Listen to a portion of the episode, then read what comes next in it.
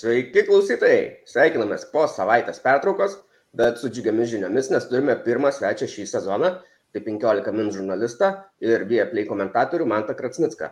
Labas, Mantai. Labas, labas, titai, sveiki visi, malonu, kad sulaukiau šito kvietimo.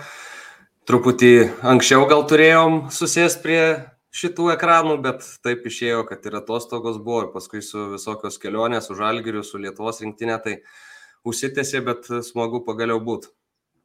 Smagu, kad sutikai ir manau bus tikrai smagu pasikalbėti apie Bundesliga, apskritai apie futbolą, apie tavo darbą, apie tavo įspūdžius, patirtį. Tai manau klausytojai išgirs įdomių istorijų. Ir tada turbūt nieko nelaukim ir pradėkim. E, turbūt aš nesuklysiu, sakydamas, kad esi kilęs iš Marijampolės arba iš to krašto. Tai turbūt, Labai nesuklysi jo. tai tenai gyvenant, augant, nėra labai sunku pamilti tą futbolą, kai yra gera komanda Lietuvos Marijampolės suduva.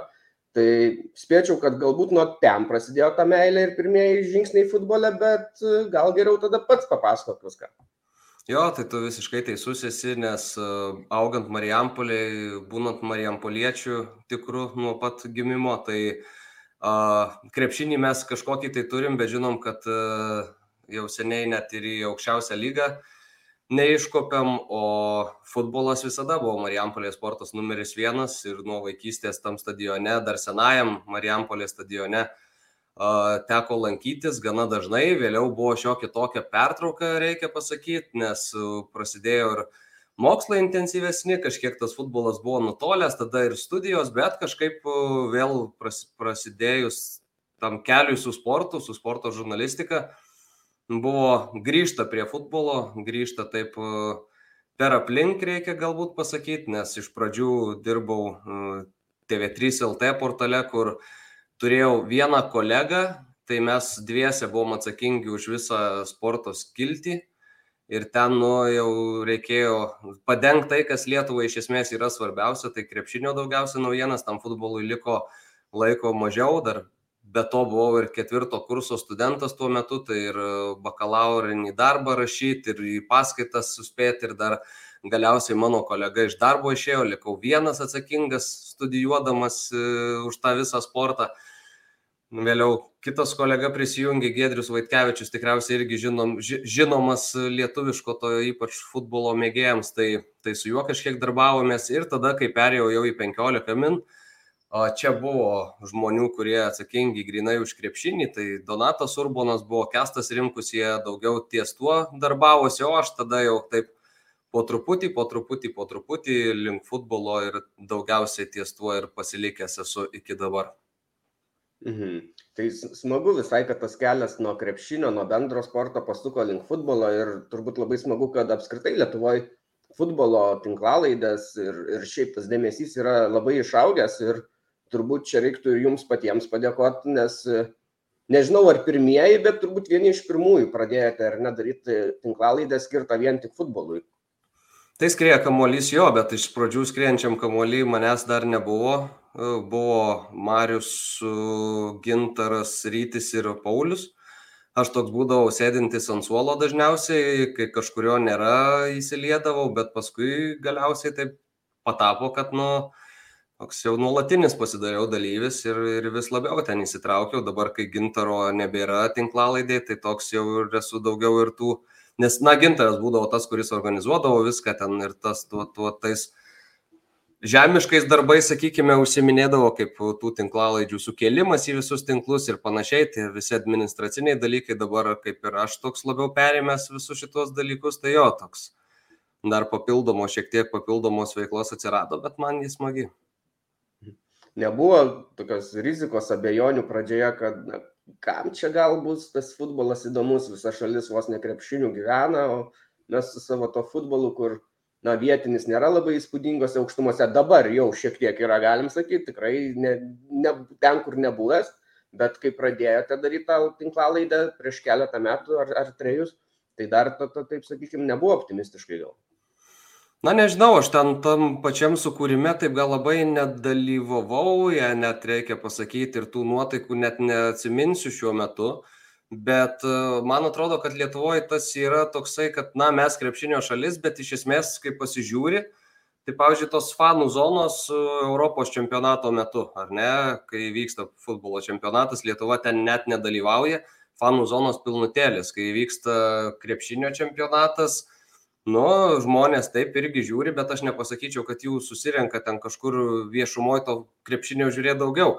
Lietuviai mėgsta futbolą, lietuviai myli futbolą, gal tik tai to nematom lygos skaičiuose, gal neturi jie stogo virš galvos ir dėl to pasirenka neiti į futbolą ir, ir mažiau domėtis tuo futbolu, bet ta meilė futbolui, nu, čempionų lyga, ypač finaliniai etapai, sakau, tie visi tarptautiniai čempionatai, nu, susidomėjimo žiauriai daug. Ir, pavyzdžiui, kai mes dabar va, buvo praeitą vasarą Europos čempionatas, darėm tas laidas iš esmės kiekvieną dieną apie Europos čempionatą, ten buvo toks maratonas, kuris tikrai, reikia pasakyti, sekinantis, bet žiūrimumas buvo aukštumose visiškose net nesitikėjom ten per visas platformas.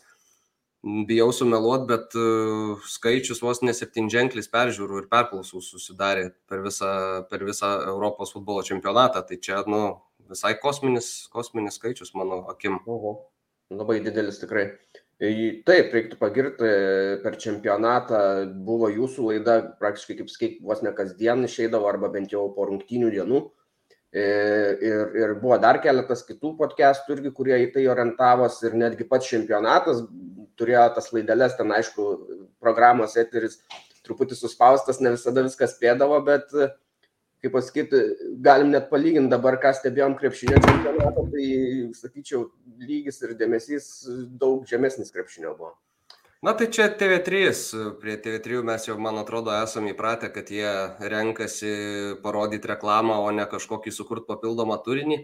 Seniau dar darydavo ten kažkokias tai laidelės, atsimenam, bet tos laidelės kažkaip irgi dingo. Dabar iš esmės transliacija pradedama su lik ginčio kamulio išmetimo, pabaigiama su finaliniu teisėjo švilpuku. Tai man čia yra liūdna, man čia yra, nu, visiška nesąmonė atrodo, bet jie pasirinko tokį kelią ir jie, aišku, žiūri į visiškai komercinę to pusę. Man atrodo, kad jeigu tu nori eiti į priekį, tu turi tą kurt produktą aplink, jeigu tu padarysi laidą, tu ištesi tą savo transliaciją kažkiek, tu galėsi prikištų reklamų ir man atrodo, gal net kai kada ir daugiau laimėsi ten pasikvietęs kažkokiu tai veidų, kurie irgi pritrauks žiūrovą. Tai tas mąstymas turi ateiti, galbūt kažkada jis į tą, tą kontorą ir atkeliaus, bet smagu, kad pavyzdžiui, LNK, kai transliavo tą čempionatą, taip iš pradžių buvo labai daug kritikos, nes iš esmės ten minutę ar dvi pakalba tada aštuonios minutės reklamos, vėliau šiek tiek jie ir pačiam teko kalbėti su, su, su žmonėm, kurie buvo atsakingi už visą tai, tai sakė, kad, na, buvo pokalbiai ir šiek tiek to laiko buvo palikta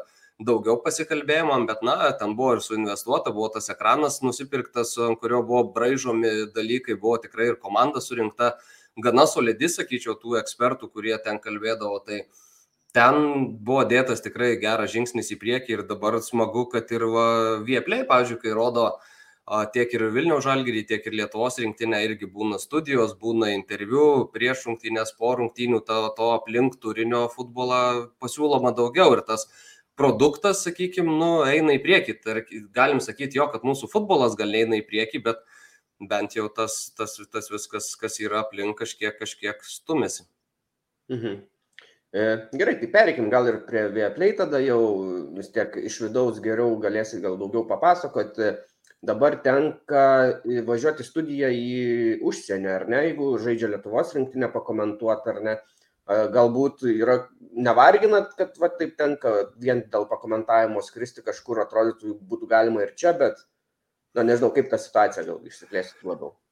Tai komentuoju aš visada iš vietos, kur vyksta rungtynės. Aš vykstu ten, kur, kur, kur žaidžia komandos, tai vat, su Vilnių Žalgiriu Bratislavoje visai neseniai lankiausi, dar, dar anksčiau buvo uh, rungtynės ir Lietuvos rinktinės, ten buvo šis pasikeliavimas geras po Farerus Turkija, dabar neseniai iš Luksemburgo grįžau, tai iš esmės daug kokybiškiau gali atlikti savo darbą būdamas vietoj, nes visų pirma, tu turi uh, visą tą jauti pulsą komandos, nes, na, ta, ar tai būtų Lietuvos rinktinė, ar tai būtų Vilniaus žalgeris, vis tiek tu pažįsti tą dalį žaidėjų, tu o, pažįsti tiek kalbant, nežinau, apie federacijos kai kuriuos žmonės, tiek apie žalgerio kai kuriuos žmonės, gali susirinkti kažkiek informacijos, prieš rungtynės pasikalbi su vietiniais kolegom apie tos šalies e, klubą ar tai rinktinę ir jos ten situaciją, kažkokius užkulisius. Tada komentuojant rungtynės iš stadiono, tu visada gali pasirinkti, ką tu matai. Tu gali pasižiūrėti trenerį, kai jo nerodo kamera, tu gali pasižiūrėti, kas vyksta ten, kur irgi galbūt kamera neparodo. Tu visada turi, jeigu tau reikia tą ekraną priešai save ir matai, ką mato žiūrovas, tai nu, daug patogiau yra taip dirbti tą darbą ir faktas, kad, na, keliaut paskui, aplankyti dar ir šalį, tu vis tiek turi kažkiek to laisvo laiko visada, gali apeit, pažinti, pamatyti kažką. Tai toks, žinai, ir, ir išvažiavimas, ir buvimas futbole, ir tas darbas, sakykim taip. Plus aš kadangi dirbu ir 15 min ir mane kadangi siunčia vieplėjus, tai 15 min, ačiū jiem, yra nieko prieš, kad aš, na, derinu šitos du dalykus, bet 15 tai irgi yra naudinga, nes kaip ir jie turi savo žmogų visada išvykos e, rungtynėse, aš visada padirbu dar ir 15, surašau ir trenerių komentarus prieš po rungtynių ir, ir va, kad ir paskutinė išvykoje su Luksemburgu, tai buvo šimtosios Sauliaus Mikoliūno rungtynės, tai ir ten pasidarėm intervą su Saulium, puikų, man atrodo, ir labai atvirai pasikalbėjo. Tai žinai, tai čia toks kelių zuikių nušovimas vienu šūviu ir visiems visiem ten yra naudos, o vieplėjus, na, jų požiūris yra tas, kad irgi geriausiai darbas gali būti atliktas būnant ten ir matant viską tom pirmom akim. Tai galbūt studijos žmonėm ir vedėjam, Ervinui su Paulium, yra šiek tiek e, kitaip, nes jie skrenda į Kopenhagą dabar vis dar, nes e, yra įrenginėjama studija čia Rygoje, vėliau važinės į Rygą. E, Pauliui, aišku, tai nebus problema, nes jis gyvena Rygoje ir dirba Latvijos futbole.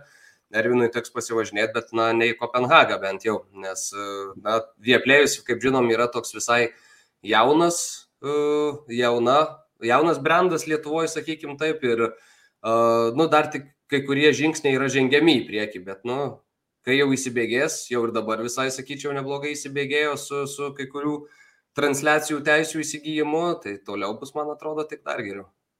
Gerai, įtikinai mane su savo pateiktais pliusais. E, žiūrėk, gal ir atidarys liniją normalią geležinkelę, tai į Rygą, Estiją bus labai greitai ir patogu nuvažiuoti, tai tada iš vis bus puiku. O, kaip sakai, jauna įmonė plečiasi, matom, kiek daug rungtynių dabar gaunam kokybiško futbolo ir Premier lyga e, prisidėjo, visos yra berots komentuojamos lietuviškai rungtynės Premier lygoje.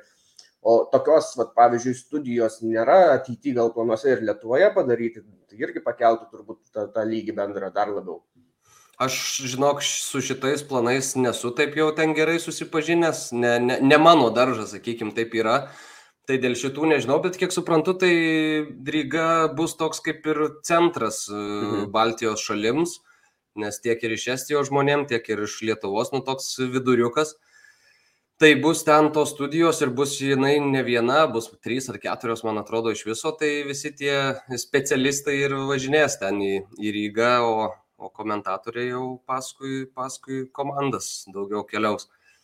Mhm. Tai, tai va tiek. Jo, bet e, šiaip tokių, va, žinai, dažnai klausimų susilaukiu, kur ne, ne visai mano, uh, mano jėgom juos atsakyti. Ir, pavyzdžiui, būna, kai transliacijoje kažkokios tai kliurkos nutinka ar komentatorių netai jungia, nu dar vis e, tikriausiai čia niekam nepaslaptis, kad karts nuo karto ten išlenda kažkokia kažkoks toks dalykas, bet nu, mes galim tik priimti tą informaciją, o iš esmės mes kažko pakeisti, kažko ten sraigtelio pasukti ir persijungti savęs, tai nelabai. Tai čia jo būna tokių, kad žmonės, o žmonės dažniausiai rašo, rašo tau, nes nu, pamato, kad turi komentuoti mantas, reiškia, mantas gali ir atsakys ten ir sutvarkys viską, bet ne visada viskas taip paprasta būna. Taip, taip, dažniausiai tas, kuris labiausiai matomas tam pirmam vaizde ir girdimas, į šitą ir norisi turbūt kreiptis dažnai žmonėm. E, e, daug minėjai, kad buvo ir Turkijoje, ir Farerose, kitose stadionuose.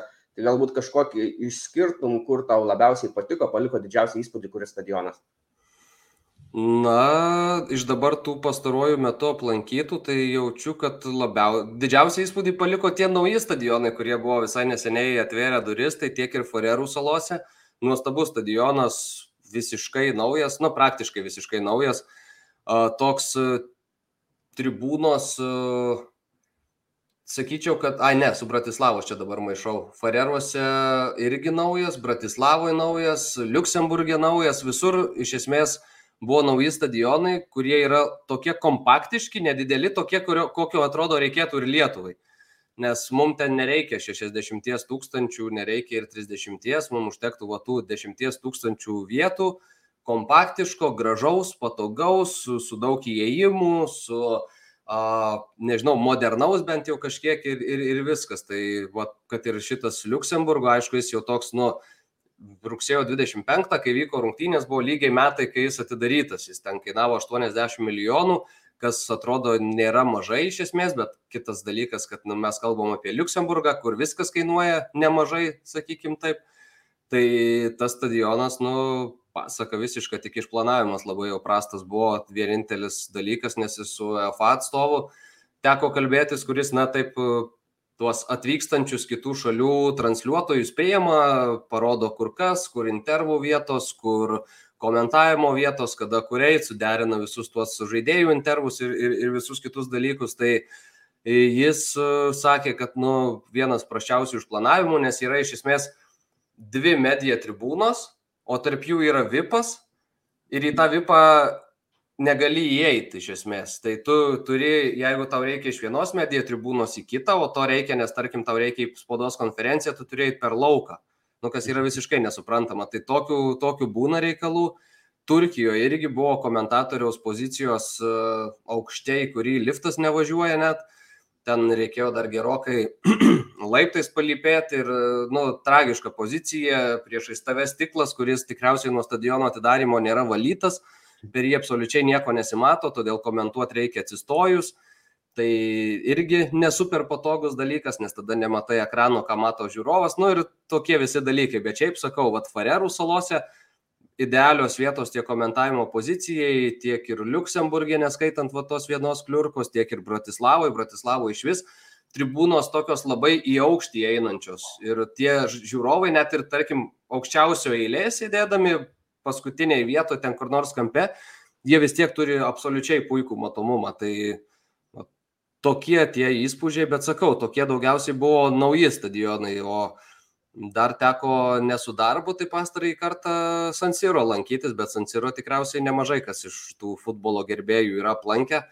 Tai Gal nieko ten labai buvo. naujo nepasakysiu, tik tai, kad, nu, pavargęs, pavargęs jau stadionas toks akivaizdžiai ir, ir, ir nenuostabu, kad Milanas ruošiasi naujo statyboms. Na, tai dvi komandos vienu metu drožia, tai pavargęs. O e, teko stebėti rungtinių metų lankytis tame stadione Sansiro? Jo, jo, žaidė AC Milanas su, su, su, su Atletiko galbūt, dabar net neatsimenu iš tikrųjų, su kuo žaidė jie tada. Čia buvo čempionų lygos grupių etapas. Vat geras, net neatsimenu rimtai, su kuo žaidė Atsimilanas tada. Bet kad yeah. nelabai ką lėmė, nes ten buvo paskutinės rungtynės mhm. grupių etape. Uh, minėjai Forerus, ten, ten turbūt ir aplink stadioną ta aplinka yra išskirtinė, ar ne? Jo, jo, jo, jo Forerų, Forerų salų uh, tas gamtos grožis ir oro sąlygos yra visiškai kažkas, kažkas kito, nes tik nusileidai oro uoste, važiuoji dar autobusu, nu, patekęs kaip į kokį žiedų valdovo filmą, žinai, ten tie, tie kriukliukai, ta gamta, na, sunku iš tikrųjų nupasakoti, jeigu, jeigu nepamatai pats, nes kadangi mūsų skrydį nukėlė ir mes turėjom vieną dar papildomą dieną iš esmės po rungtynių, Tai aš po tų rungtynių tą visą dieną praleidau tiesiog vaikščiodamas aplink Torshauną, ten tas miestelis, nors ir sostinė nėra didelis, iš viso Fareruose gyvena 50 tūkstančių žmonių, na tai ten sostinė, sakykime, gal kokie 10, 15, 20, nežinau. Tai va, tai tas miestelis nėra didelis, ten tas centras irgi per penkias minutės apeisi, bet aplinkui gali vaikščioti labai daug visur gamtoj, labai tai yra pritaikyta iš esmės, nu ir tiek ir, tiek ir stadionas, nors stadionas šiaip yra praktiškai miesto, taip netoli centro, tai dar aplink stadioną dar ten daugiau tokių pastatų, bet dar jeigu 10 minučių paėjėsi, tai ten jau visiškas gamtos grožis ir sakau, kaip, kaip kitam pasaulyje būtum. Na, galbūt ir mes jau greitai turėsim tą tokį nedidoką, kompaktišką stadioną Kaune, tik neaišku, ar ne, neteks palaukti dar tarptautinių rungtynių, kol išvysime jame. E, bet e, Daugiau turbūt ar ne tenka su darbu lankyti stadionuose negu savo malonumui. O jo, o jo. Šiaip e, neatsimenu, iš tikrųjų, vat, buvo tas uh, Sansiro momentas, bet uh, kada va taip dar būčiau pirkęs bilietą ir ėjęs tiesiog į rungtynes, tai super retas atvejis, bet na čia tikriausiai daug sporto žurnalistų pasakytų tą patį, nes na dažniausiai net jeigu tu reini, tarkim, tik pasižiūrėtų vis tiek ten pasiemi tą akreditaciją ir, ir įsitaisai toj darbo, sakykime, vietoj. Tai, Mhm. Jo, daugiausiai ta tenka visiškai kaip, kaip profesijos atstovui, to ne, ne, ne tiesiog kaip sirgaliui, nors šiaip pasilgsti labai to dalyko ir atsimenu dar teko, nu čia gal šiek tiek prie krepšinio nueisiu, bet kai Žalgeris tada iškopė į finalo ketvirtą, Kaune buvo tos paskutinės rungtynės su Olimpijakosu ir uh, dirbom tuo metu, dirbau ir aš, uh, ne, ne, ne futbolė, o krepšinį. Uh, ir pagalvojau, kad blemba, kaip būtų dabar smagu būti sirgaliaus vietoje, pasimti bokalą, užkandį ir ten tiesiog šūkaut, riekaut visas tas rungtynės, žinai. Tai tokie kartais būna dalykai, arba po rungtynių, žinai, kai tarkim, kad ir futbolo, kad ir sėkmingos, kad ir istorinės, ten Vilniaus Žalgeris kažkur kažką pasiekė ar panašiai. Nu, tau vis tiek, tau po rungtynių laikas ne e, eiti į aptarimą prie laus bokalo, o laikas keliauti į spaudos konferenciją. Tai toks, nu, tu visas tas rungtynės irgi toks turi būti iš esmės ant, ant kažkokios įtampėlės, negali kažko praleisti, negali kažko pražiopsoti, negali ten užsikalbėti per daug ir panašiai. Tai jo, šitas yra, iš vienos pusės tai labai smagu, nes nu tau iš esmės ten, žinai, niekada nereikia bilieto pirkti, visada ten turi tą savo vietą, dažniausiai turi ją po stogu, gal na neblogą, bet iš kitos pusės, nu tu kitom šiek tiek akim turi žiūrėti ir šiek tiek kitaip jau ten būtam stadione. Jeigu galėtum pasirinkti savo malonumui, kokį stadioną labiausiai norėtum aplankyti? Tiesą sakant, kaip prisiekęs Madrido atletikos ir galius, tai turėčiau sakyti, kad Vanda reikia aplankyti, nes nesu dar lankęsis.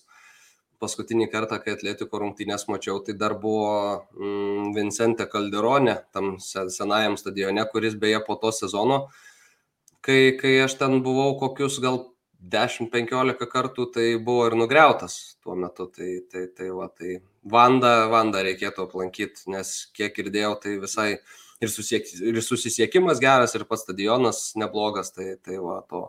O šiaip iš tokių istorinių, nu, tai tikriausiai nežinau, kažkur Brazilijoje jau reikėtų darytis, žinai, tuos klasikinius visus.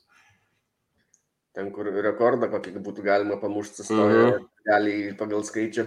E, ar aš teisingai supratau, labai daug kartų teko lankytis atletikos stadione senajam? Jo, tai matai, aš e, dar studijų metais su Erasmusu išvykau į Madridą studijuoti. Ir kaip tik prieš išvykdamas į Madridą atlikau praktiką 15 min portale. Ir e, sakau, žiūrėkit, yra tokia situacija, išvykstu į Madridą, aš kaip ir jums galėčiau kars nuo karto ten kažką parašinėti iš vietos.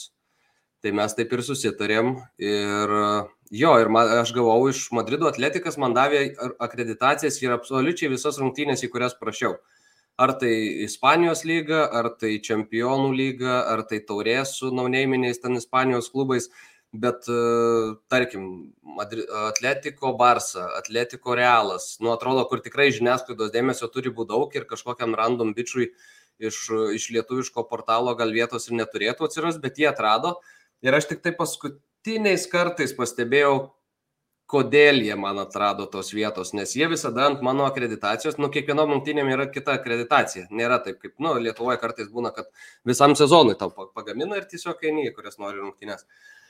O jie, e, kaip suprantu, apsišovė, nes ant mano visų akreditacijų buvo 15 min.it, o ne LT, kas yra Italija. Ir jie galbūt galvoja, kad aš esu italas iš futbolo šalies atvykęs specialistas nušviest Madrido atletiko viso sezono ir jie man tas akreditacijas į visas rungtynes dalino, aš, na, ten ką jau galėjau su ta savo visiškai menka, o sakykime, net ir be patirties e, tą parašinėjau. Tai, tai, tai, va, tai toks, toks buvo visai linksmas dalykas. Ir, ir, ir, ir... Nebandai patikrinti, gal yra iš tikrųjų toks puslapis. Ne, žinok, ne, neteko, aš tuo metu tiesiog apsidžiaugiau, kad man tikriausiai tiesiog jų apsišovimas viduj mane prūvinant, nu, paskui matyti tiesiog prisiminė, o čia šitas italas jau ją kažkada davėm, pasiemė, buvo, tai reiškia galim duoti ir toliau. O ten, žinai, paskui eini į migzoną, dar man tokiam, kur, na, net tam, sakyčiau, lietuviškam sportė neturinčiam daug patirties, bet ten uh, nueini, kalba Iniesta, ten žiniasklaidai prisiplakina, aišku, nieko nesupranti ispaniškai, bet tiesiog faina, nes esi trečio kurso studentas ir dabar gali palaikyti diktafoną prie Iniestos, ar ten prie Modričiaus, ar prie dar kažkurio, kur, nu, visiškas kosmosas, žinai. Tai, tai va, tai to tokia smagi patirtis o paskui patirtį savo perkeliau dar vienerioms rungtynėms į uh, Junktinių Amerikos valstijų antrosios lygos rungtynės, nes paskui išvykau į kitą, kitą, su kita mainų programa į Indianapolį.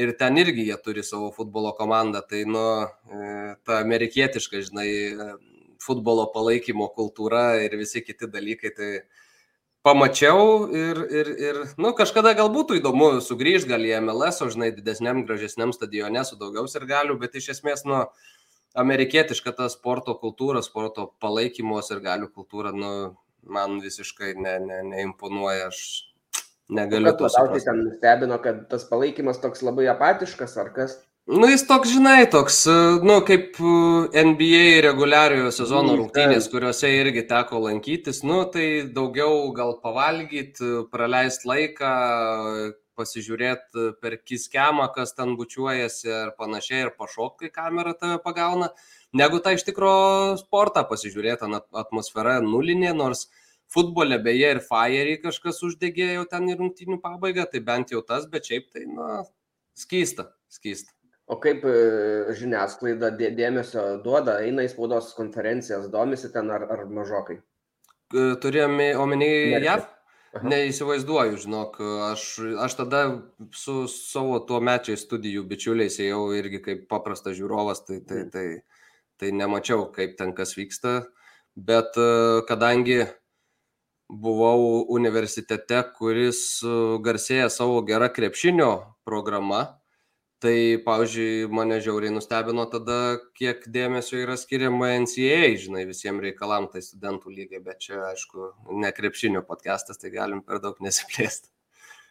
Gerai, tai neatsitiktinai mes tave pakvietėme, nes e, tu komentuoji Vieplėjuje Bundeslygos rungtynes ir padedi mums jas stebėti.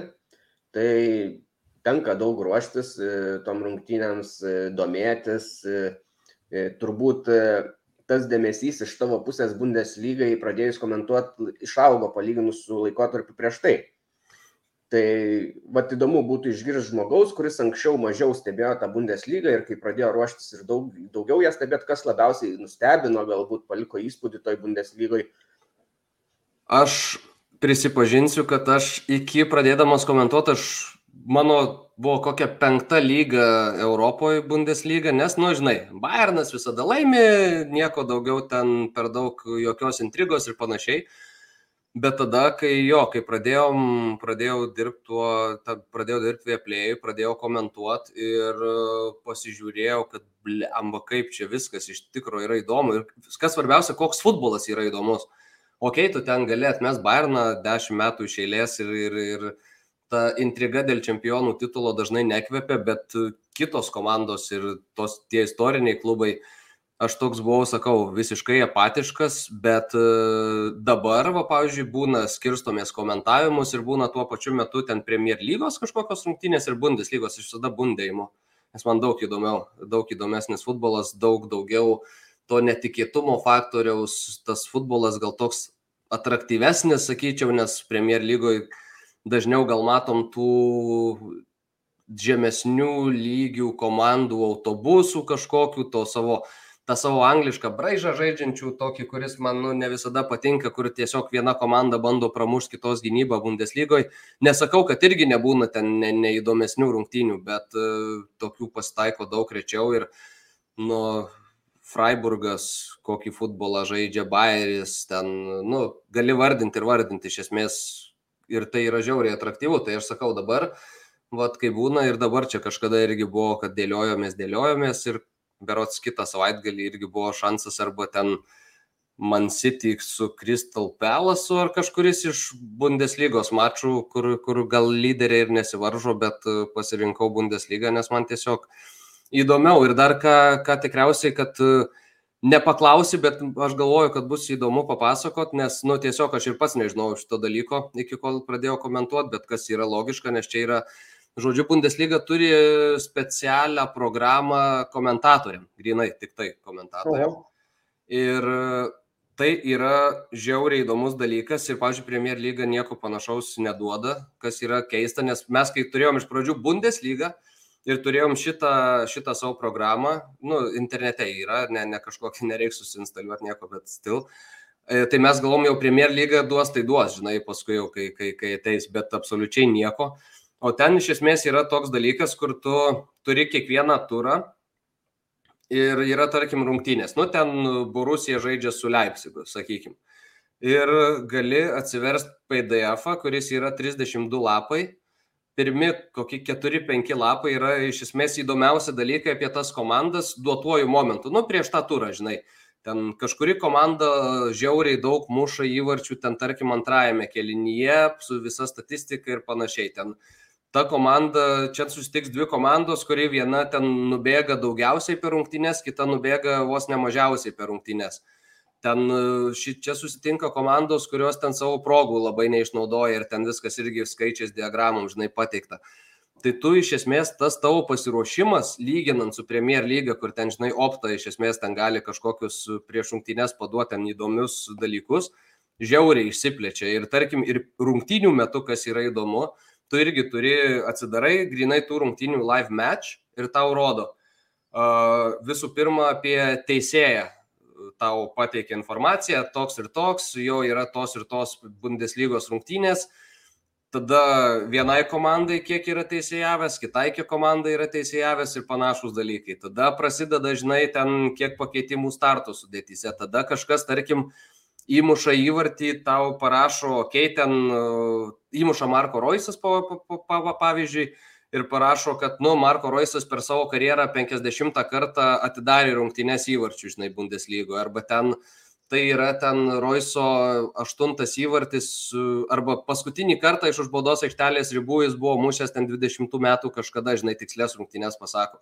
Ir tu komentuodamas, iš esmės kartais gali skambėti kaip, nu, maks protingas ir belė kokią atmintį turinti žmogus, kur tu, nes tokios statistikos tu tiesiog, nu, neįsiminsi tiek, žinai, ten uh, o ten tau juodo ant balto parašo ir tu kartais tokių faktų gali ten išknist, kur, kur, kur, kur šiaip nu, tiesiog tu ne, ne, nesugeneruotum tokių iš atminties, tu jokiais, jokių šansų, kad, kad pasakysi, arba žinai, ten įmuša įvartį ir ten XG buvo kažkoks žiauriai mažas ir tau iš karto žemiausių XG pelnytų įvarčių ten penketuką šio sezono pateikė, žinai, ir tu jau gali pasakyti, kad va čia buvo netikėtesnis tik dar vienas ten šitam sezone. Uh, Tai tokia programa, kur, nu, absoliučiai taip palengvina darbą, tau taip mažiau reikia užsiminėti kažkokiam, žinai, nes, tarkim, čempionų lyga ar ten Premier lyga, tu daugiausiai eini per tą spaudą, žiūri, ką anglų spauda rašo, ten arba kitos šalies spauda, kas dar yra komplikuočiau, nes tau tada dar reikia ir išsiversti, ką jinai rašo. O čia yra viskas, kas yra svarbiausia, žiauriai koncentruotai ir dar rungtynių metu tave dar paprotina šiek tiek, kad ta transliacija būtų dar kokybiškesnė. Dar, dar vienas dalykas, kas yra įdomus, aš čia išsiplėčiau, bet nu, man pačiam tai buvo įdomu ir, ir galvoju, kad ir šiaip yra įdomus dalykas. Visi žaidėjai yra įgarsinti, tariant į savo vardus pavardę, žinai. Tai tu gali, tu, tau nereikia spėlioti, nereikia kažkur ieškoti YouTube'ose, kaip kažkoks komentatorius ten, žinai, šaukia jam įmušus įvartį, ką kartais darai, nes, nu, tiesiog tu nežinai, kaip ta tariama kažkurio futbolininko pavardė. Ir tada eini į YouTube, kažkur ieškaisi, kur išgirsi, arba kai jis pats prisistato, arba kur, kur komentatorius ten kažkoks sušaukia. O čia kiekvienas futbolininkas aiškiai vardas, pavardė ir klubas, kuriam atstovauja, žinai, įgarsinti, parašyti gali net ir rungtynių metu, ten jeigu suabejoji, vyksta keitimas, nusitildai transliaciją, įsidedi ausinę, paklausai, aha, šitaip ir viskas. Nu, aprasme, super, super įrankis, kur, nu, tai palengvina gyvenimą, kad sunku ir įsivaizduoti. Nu, čia nu, nuostabus dalykas. Manau, ir mums reikėtų su justu parašyti tada į Bundesliga ir gauti šitą labai praverstų, nu. kad pavardėmis, kaip tarti, būna tikrai sudėtingų. E, palengvina darbą, bet iš kitos pusės nu, kažkiek dar ir sunkiau tada, kad išsirankiot, ką iš tikrųjų pasakyti, jeigu iš 35 puslapių, na tai milžiniškas kiekis ir kad neapkrautos transliacijos. Bet čia turbūt yra tas dalykas, kai e, šiek tiek yra nuvertinama lyga, nes, na, vis tiek Bundesliga, sakykime, yra nuvertinama bendrai pasaulyje, kada čia netaip įdomu, Bayernas tik laimi ir visas dėmesys į Premier lygą. Tai va, turbūt tas nuvertinimas tai mažesniai lygai įduoda tą tokį spyrį į užpakalį, kur jinai turi kažkokiu kitų būdų stengtis, labiau pritraukti tą klausytoją ir, na, padarius tą transliaciją įdomesnę, palengvinus komentatorių darbą, suteikus jiems visą tą informaciją, ta transliacija ir gaunasi įdomesnė. Tai, na, iš tikrųjų, nustebinai mane maloniai eilinį kartą ir tu, ir Bundesliga. Tai smagu. Aš tau galėsiu atsiųsti kokį PDF arba, arba nuprinskrynint, kaip atrodo ta, ta programa vėliau. Nu, Tikrai bus, bus įdomu, patikėk. E, taip, e, kom žavi Bundesliga, mes jau išsiaiškinom. Gal yra tekę lankytis kokiam stadione Bundeslygos? Va, žinok, ne. Žinok, ne. Artėja čempionatas naujas, tai va, mm -hmm.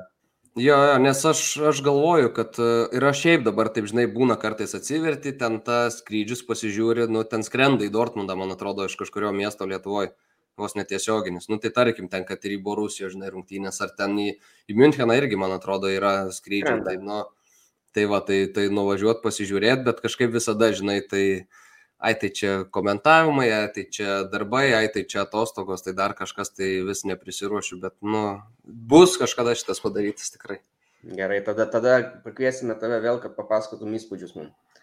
Gerai. E, kokie Bundeslygos tau gal žaidėjas labiausiai žavi, patinka, imponuoja?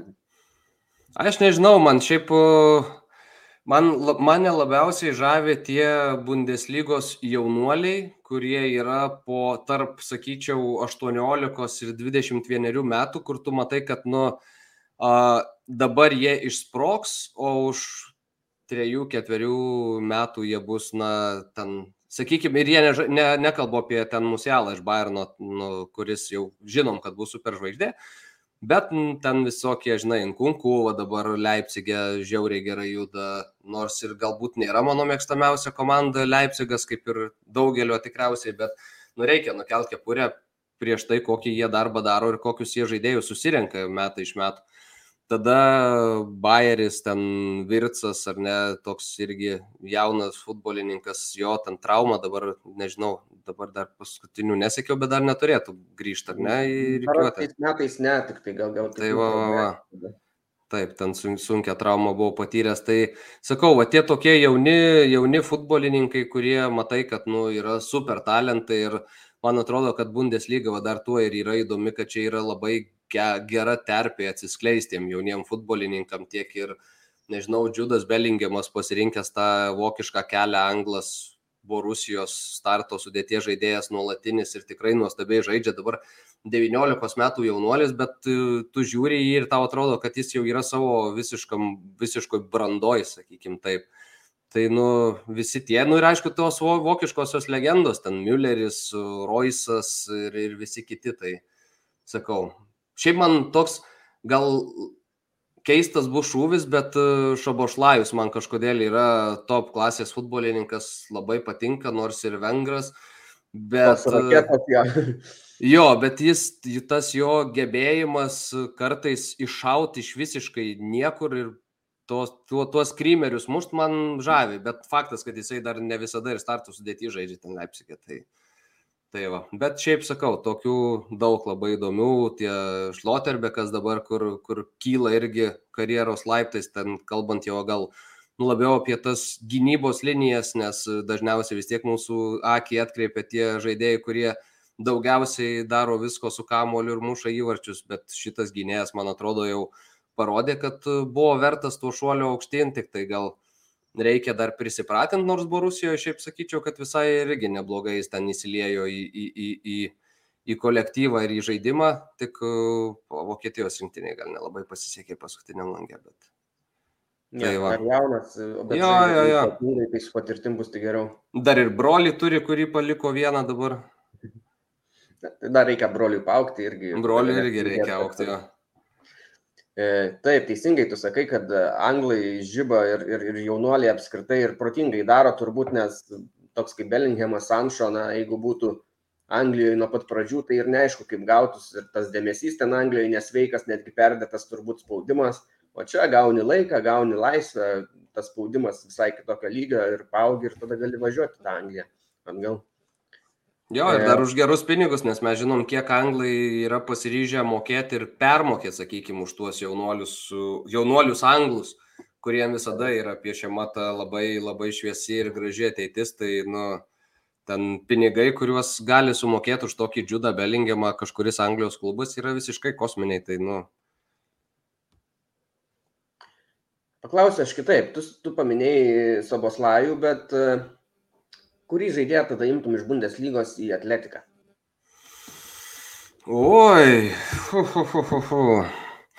Irgi dabar labai sunku kalbėti apie tuos, žinai, atakuojančių žaidėjus, nes atletiko komandai super daug yra atakuojančių futbolininkų, nes, aišku, išėjo ten keli, bet dabar vėl atvykęs Morata, kai nuo suolo tu gali leisti Žuo Felixą, Koreją ir ten dar kelis, tai labai sunku kalbėti apie, apie priekį.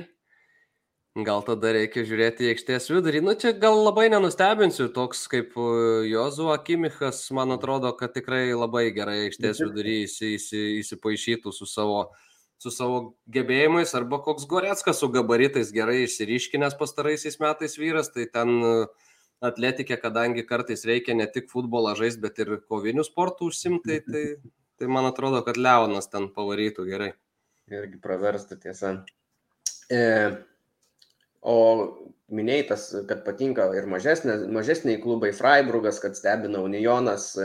Būna, kad kai komentuoji, pradedi jaust, kad nu, kažkaip visai man patinka šitą komandą, netapsi jos fanų ar dar kažką, bet va, taip tokia simpatija atsiranda kažkam.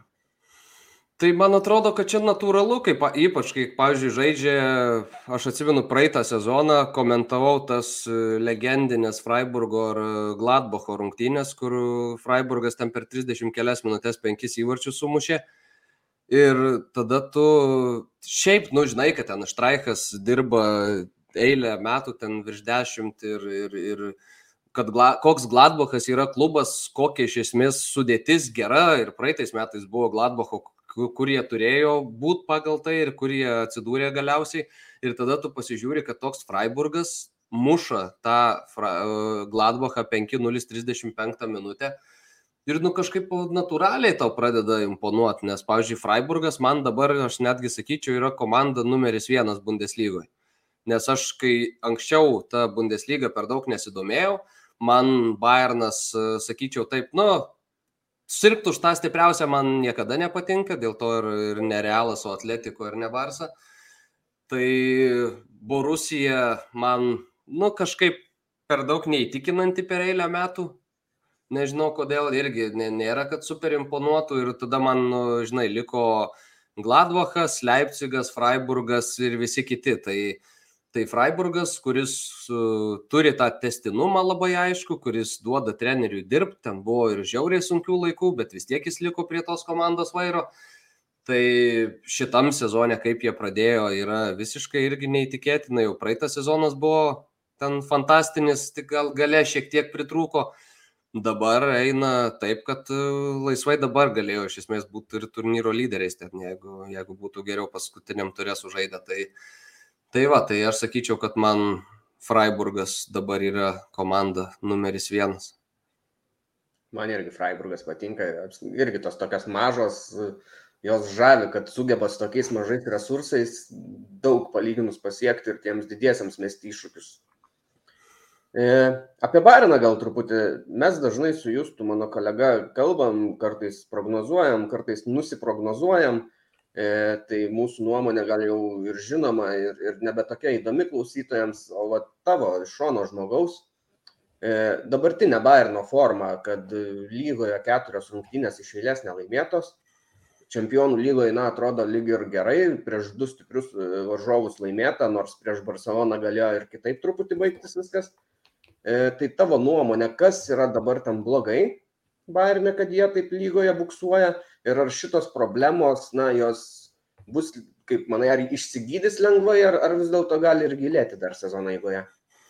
Man tai šiaip žiauriai keista, nes aš tikėjau, kad e, Nagelsmanas šitam sezonė kaip tik dar dės tokį žingsnį į priekį su šita komanda ir tas Lewandowskio išvykimas kaip ir nemažai tikriausiai daliai ir galių, man atrodė toks, nu, galbūt jau ir laikas ten jam, žinai, pasibandyti kažkur kitur, išvažiuoti vat, į Ispaniją kokią, ten, nu, okay, Barsa, čia, čia, man atrodė, kad čia viskas tvarko ir nuo to nesugrius nei pats ten Lewandowskis, nesugrius ir Bayernas, nes iš esmės, nu, nuo, ne nuo jo vieno ten viskas priklausė ir Jan pos kamuolius irgi ten pristatinėti reikėjo, žinai.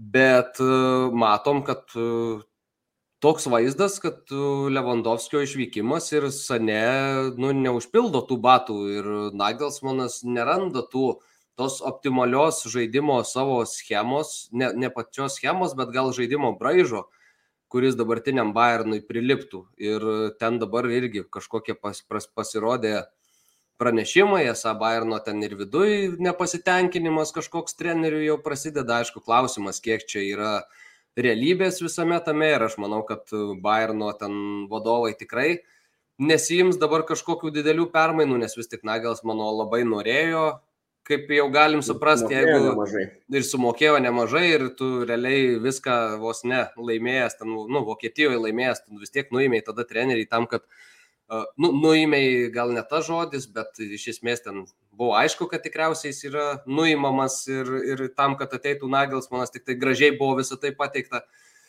Tai dabar, nu, sunku Bayernui, o kodėl sunku, aš visiškai neįsivaizduoju. Iš esmės, nu, sunku pasakyti, kad tiesiog Lewandowskis išėjo ir Bayernas nebe, nebe tas. Nu, čia vis dar yra iš esmės tas pats Bayernas su daugeliu tų, tų pačių žaidėjų, taip, kai kurie galbūt eina senin, bet jie tikrai nėra dar tokie seni, kad sakytum, kad tai yra veteranų komanda, plus ten to gero jaunimo irgi yra. Ir, nu, aš sakau, aš, aš neturiu atsakymo iš esmės, kas yra Bayernui ir aš nebejoju, kad jie vis tiek taps čempionai šį sezoną. Nu, čia kitaip tikriausiai neturėtų būti ir būsiu žiauriai nustebęs, jeigu taip nebus. Nors ir norėčiau, kad pagaliau netaptų, nes kažkiek ir įdomiau visiems būtų. Gal kadangi sėdžiu čia, kur uh, Mies San Litoven ir FC Bayern Lietuva, tai gal nereikėtų taip sakyti, bet jo, aš kažkaip norėčiau, kad pagaliau jau kažkas Vokietijoje įneštų to, to kitoniškumo kažkokio šitai lygai. Ir, bet aš sakau, man atrodo, kad visiems klubam, visam pasaulyje kažkada turi ateiti kažkokia tai duobelė, kažkoks tai uh, nuosmukis lengvas, tos nelaimėtos rungtynės, nu, okei, okay, nelaimėjo, dabar keturių, bet jeigu žiūrėsim į turnyro lentelę, dabar ją turiu prieš akis 12 taškų iki Uniono 5. Nu, tai čia tokiam Bayernui čia yra penkių savaičių galbūt dalykas, nes nebejoju, kad Berlyno komanda ten tikrai turės dar ne vieną tokį ruožą, kokį dabar turi Bayernas, Borusija irgi matom, šitam sezone, kiek iškovojo tų tokių darbinių pergalių 1-0, kur, nu, irgi visai galėjo pasibaigti. Tai Bayernas, man atrodo, vis dar yra galva, galva aukštesnis už kitas komandas. Nu, gal ir kiti klubai, žinai, šiek tiek pajutę, kad Bayernui yra sunkesnės dienos ir eina į tas rungtynės su mintim, kad nu, mes, mes čia yra tas sezonas arba čia yra ta atkarpa, kur Bayernas gali būti pažeidžiamas ir, ir žaidžia. Mhm. Mes buvom e, ne taip jau seniai vieno stebuklo liudininkai futbole, kai Lesteris laimėjo Premier lygą. Na, sakykime, pafantazuokim, jeigu Bundesliga laimėtų koks Freiburgas arba Unionas, kai palyginkim tos du tada, ar tai būtų didesnis stebuklas negu Lesteris ar mažesnis? O, čia geras klausimas. Aš tai sakyčiau, kad gal panašus, nes Lesteris irgi tada tikrai nebuvo ten kažkokia pirmo šešeto komanda ar dabar, nu, jeigu kalbam apie Freiburgą, tarkim, ar ne, ar, ar Freiburgas iš esmės pagal sudėtį yra pirmo šešeto komanda. Šį sezoną Bundeslygoje nu, gal ir, gal ant ribos netgi sakyčiau, nes dabar ko... Jo, nes dabar, kai, kai klubas pasikviečia ginterį pas savį sudėtį, kas buvo šiaip netikėtas, reikia pripažinti įimas ir iš paties uh, Matieso, uh, Tai gal ir ant ribos tas Freiburgas yra, gal šiek tiek žemiau. Tai aš sakyčiau, kad, kad gal, nes taip sakom, kad Lesteris tikrai finansiškai daug pajėgesnis, tarkim, už Freiburgą, ar ne, iš esmės klubas, bet ir Man City's yra pajėgesnis už Bayerną tikriausiai klubas, aš taip įsivaizduoju. Taip žiūrint į tą pajėgiausią ir, ir tą ir tą, apie kurį mes kalbam. Ta pirmą Anglijos komandą, lyginant su Vokietijos pirmą ir, pirmą Vokiet... ir šeštą Anglijos komandą, lyginant, tarkim, su šešta Vokietijos komanda, koks yra tas finansinis, žinai, gepas. Mhm. Dabar čia galima labai smarkiai iš mano pusės ir nusišnekėti, bet man atrodo, kad uh, Vokietijoje tas gepas gal šiek tiek mažesnis būtų negu Anglijoje, nes, uh, tarkim, Manchester City tie finansiniai ištekliai, nu, iš esmės jų gal net niekas ir nežino tiksliai nes jie yra mhm. tokie nepamatuojami Vokietijoje. Galbūt šiek tiek viskas aiškiau ir, ir, ir skaidriau, sakykim, taip, turint e, tą aiškesnį valdymą ir aiškesnį, aiškesnį savininkų, ten tą visą aiškesnę savininkų sistemą. Tai, nu, Ne, tai jeigu Anglijoje į šeštą vietą ten užima koks United ar dar koks didelis klubas, kuris pastaraisiais metais prastai rezultatus prastus rodo, tai aišku, ten finansai tada nepalyginami tikrai su Bundesliga. Taip, taip, taip, taip. Tai va, nes, pavyzdžiui, nu, Manchester United iš vis yra duok Manchester United pinigus bet kuriai, nežinau, kad ir antrai Vokietijos komandai, nu, okei, okay, ne Bayernui ir jis bus, nu, visiškas titulo kontenderis, man atrodo, po Visiems ketverių metų. Jo, jo, jo, jo, jo, gerai, sutinku.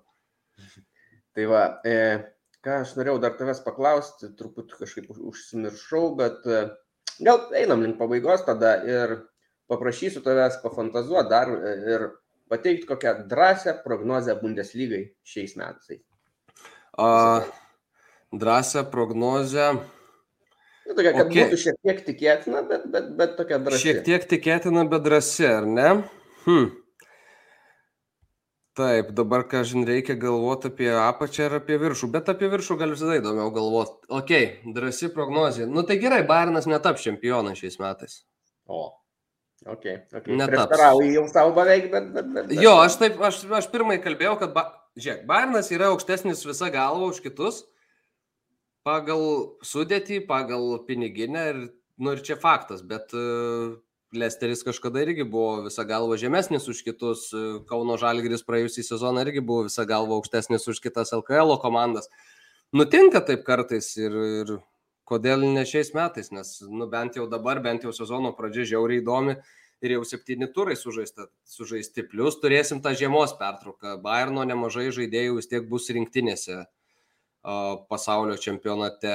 Tada neaišku, kit... kokie grįž. Neaišku, kokie jie grįž ir kiek laiko jiem reikės su, sugrįžti į tą savo formą ir, ir sugrįžti į Bayerną, jeigu uh, į Bayerno žaidimą. Dar klausimas, ar Bayernas tą žaidimą prikels, tarkim, iki pasaulio čempionato, nes jeigu žaidėjai išvyks į pasaulio čempionatą, es būnantis, nežinau, ketvirtoj Bundeslygos vietoj, tada grįžti po pasaulio čempionato ir didelio krūvio, jeigu vokiečiai dar eis, tarkim, toli. Nu, čia galima labai daug pridėlioti ir tada galbūt tas drasus spėjimas, bet e, kažkiek gal jis galėtų ir turėti logikos. Nu, gali taip susiklostyti. Aš sakyčiau, šansų mažai, šansų mažai, bet, bet taip susiklostyti gali.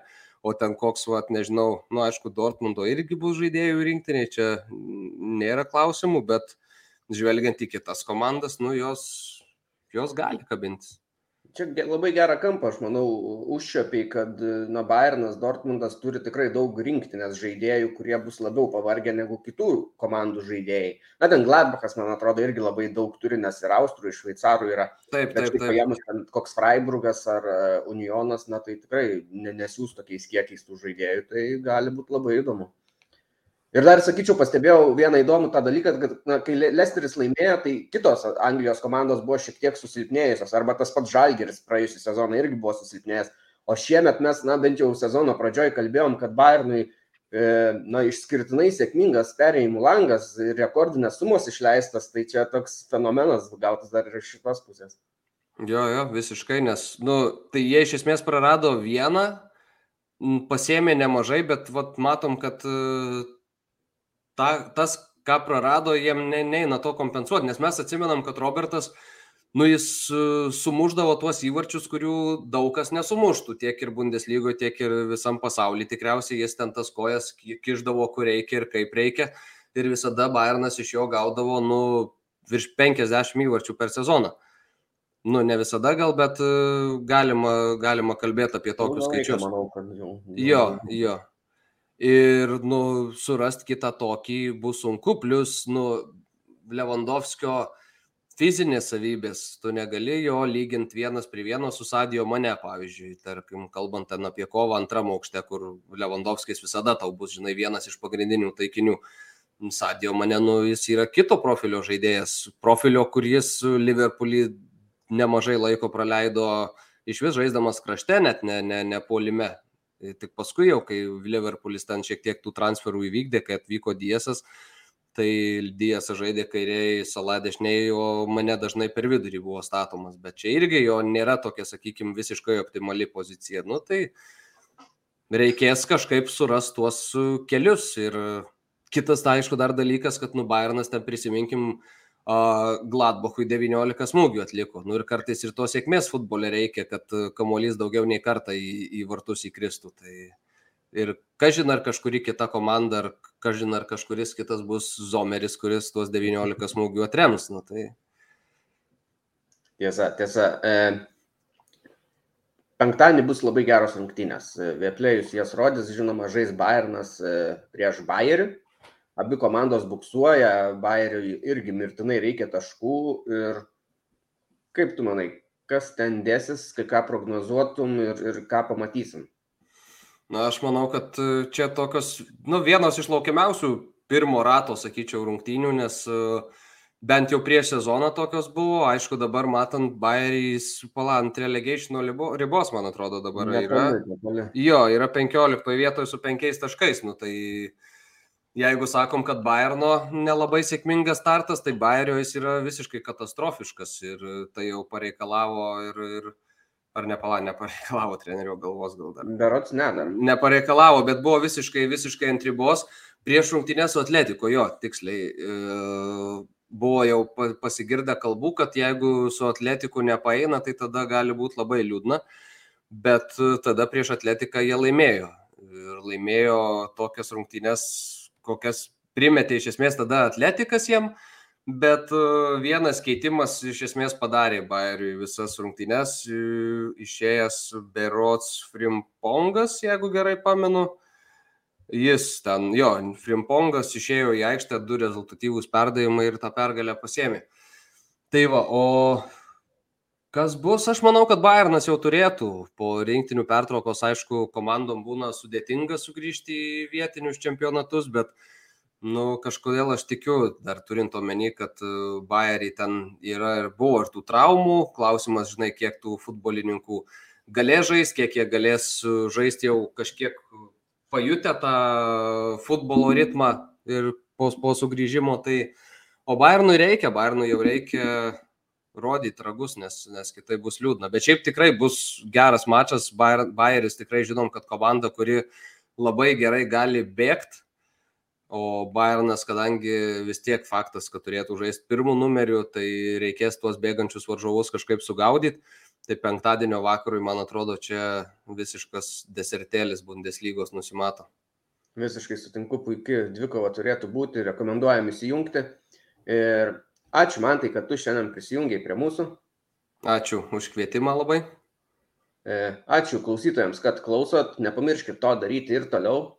O mes man tą pasistengsime pareigot, kad skrėja kamuolį laidoje, jis daugiau pa, pa, paširkintų kolegas pakalbėti ir apie Bundeslygą, nes mums visai, visai yra įdomu išgirsti ir kitų žmonių nuomonę apie tą lygą ir vykusias rungtynes. Ir iki kitos savaitės, kur jau mes su justu turėtumėm susėsti ir įprastą laidą pasidaryti. Ačiū Jums ir iki. Iki. Bye.